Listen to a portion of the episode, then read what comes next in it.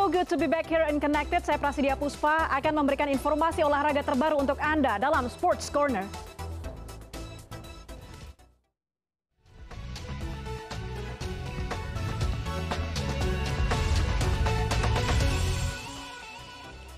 Oke, sebelum masuk ke topik selanjutnya di Sports Corner Unconnected, saya ajak Anda untuk lihat event olahraga yang akan berlangsung di pekan ini.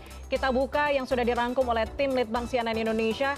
Yang pertama ada MotoGP Aragon, gelaran MotoGP 2022 kini memasuki rangkaian seri balap ke-15 di mana Spanyol ini akan menjadi tuan rumah selanjutnya. Dan menurut jadwal kalau kita lihat ya, para pembalap akan mulai menggeber kuda besinya di MotoGP Aragon 2022 sejak Jumat sampai dengan nanti hari Minggu pekan ini ya di sirkuit Motorland Aragon. Dan dalam persaingan klasemen MotoGP kali ini masih diprediksi kayaknya bakal akan seru nih ya. Pebalap Ducati ada Francesco Bagnaia.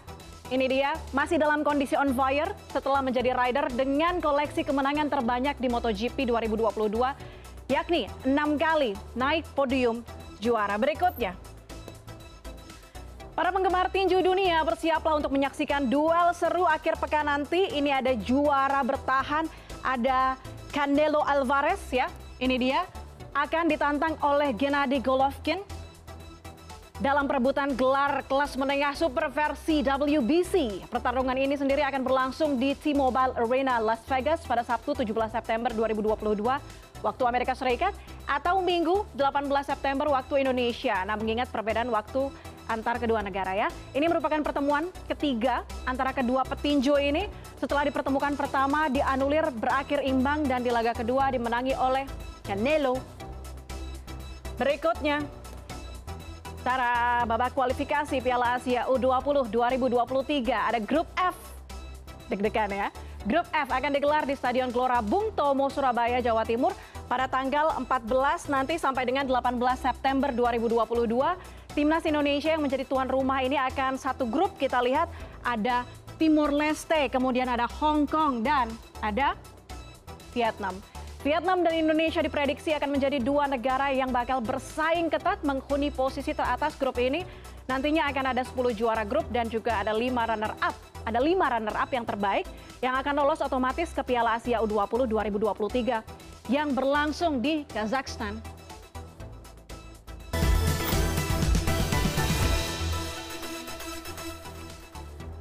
Jelang kualifikasi Piala Asia U20 2023 di Stadion Gelora Bung Tomo pada Rabu pekan ini, Timnas Indonesia kayaknya sudah berbenah diri dan strategi ya untuk menghadapi lawan-lawan di grup F nanti. Belum lagi Indonesia harus mampu mengontrol pressure atau tekanan karena kembali satu grup dengan musuh bebuyutan Vietnam. Kita bahas prediksi laga panas yang mungkin akan terjadi di lapangan. Bergabung bersama saya malam hari ini ada Tommy Welly, pengamat sepak bola. Bung Toel, selamat malam. Selamat malam, Mbak Puspa. Bung Tawel, kalau kita lihat dari kalender ya. pertandingan Rabu pekan ini Indonesia akan mulai turun ke lapangan. Uh, lawannya Timur Leste, kemudian Hong Kong. Setelah itu ada Vietnam. Kalau di atas kertas, seperti apa prediksi dari pertandingan kualifikasi ini, Bung Tawel? Iya, kalau di atas kertas perhitungannya Indonesia harus bisa lolos dengan asumsi nggak boleh kalah dari siapa pun. Uh, hitungan matematisnya, strategisnya, lawan Timor Leste menang, Hong Kong menang, lawan Vietnam minimal draw, alias nggak boleh kalah. Kenapa? Karena yang lolos ke Uzbekistan tahun depan. Piala Asia U20 tahun depan, itu 10 juara grup dan 5 runner-up terbaik. Jadi kalau poin 7 rasanya bisa lah Minimal draw, tapi kalau kita lihat dengan catatan kita dengan Vietnam, kita pernah satu-satu imbang, punya catatan juga yang sebenarnya cukup kelam gitu Bung Towel. Belum lagi isu kecurangan dalam Piala AFF kemarin. Uh, kekuatan timnas Indonesia saat ini Bung Towel, Anda melihatnya seperti apa dibandingkan dengan uh, Piala AFF U19 2022? ya materinya kan sama. Materi pemain u 19 karena hmm. yang bermain tahun ini kan uh, eligible-nya kan pemain kelahiran Januari 2003 jadi usianya 19 tahun. Jadi materi yang sama di Piala AFF U19 kemarin kalau kita hitung-hitung di grup F ini yang berat kan adalah Vietnam. Timor Leste bisa harus diatasi begitu juga Hong Kong hanya hitung-hitungan tinggal berapa banyak gol yang bisa diambil. Lalu lawan Vietnam head to head, artinya do or die, hidup mati untuk jadi juara grup tentu target menang tapi minimal draw. Jadi perhitungan strategisnya untuk lolos seperti itu. Oke, tapi kalau materinya mungkin masih sama. Ada sejumlah nama-nama baru di sektor penyerangan nih, Bung Towel. Uh, ada nama Ginanjar Wahyu, Muhammad Widi Syarif dan kawan-kawan. Melihat ini potensinya jadi angin segar nggak untuk uh, lini depan timnas U20?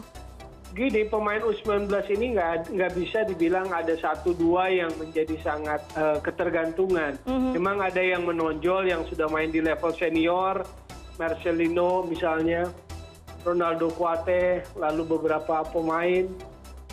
Tetapi saya pikir itu tidak jaminan kalau di tim usia muda seperti ini. Mhm, mhm.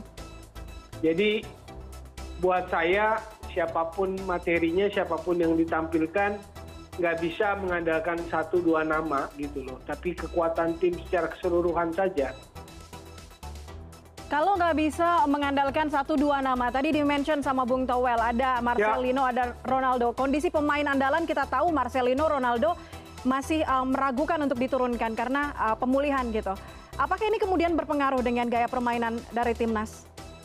Saya pikir enggak, hanya hanya kelebihan-kelebihan individu aja. Mm -hmm. Tactical team harus di atas segalanya. Waktu pertandingan terakhir AFF kemarin pun tanpa Marcelino kan Janadin Fajri bagus main di tengah jadi maksudnya memang marcelino pemain yang punya kualitas individu tapi di level 19 ini ketergantungan itu tidak terlalu tinggi. Oke. Tanpa uh, apa namanya tanpa mengecilkan peluang Hong Kong dan juga Timur Leste kita tahu Indonesia versus Vietnam ini akan jadi laga panas sekaligus penentu nanti Bung Towel uh, mengingat akan masuk ke putaran piala, uh, piala final Piala Asia U2000 U20 2023. Nah, kalau ini bisa jadi apa momen balas dendam kah Indonesia terhadap Vietnam atau seperti apa? Nah, makanya uh, dalam sepak bola ada teknis non teknis. Dalam pertandingan yang menentukan, penent, uh, pertandingan head to head yang ketat, misalnya seperti lawan Vietnam, non teknis jadi menentukan.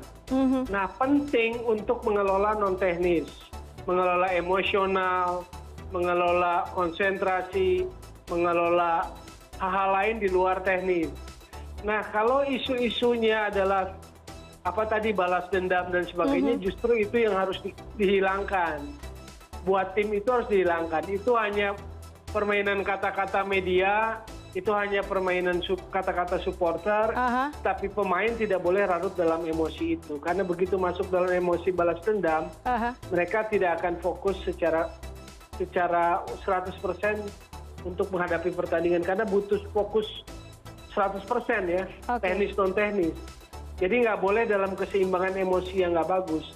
Nah sering kali kita terjebak kalau pertandingan-pertandingan yang lawan musuh bebuyutan gitulah yang rame di media yang viral di netizen lawan Vietnam lawan Thailand udah rame di luar dan itu mempengaruhi kondisi tim. Itu yang nggak bagus tim itu harus fokus pada footballnya lah.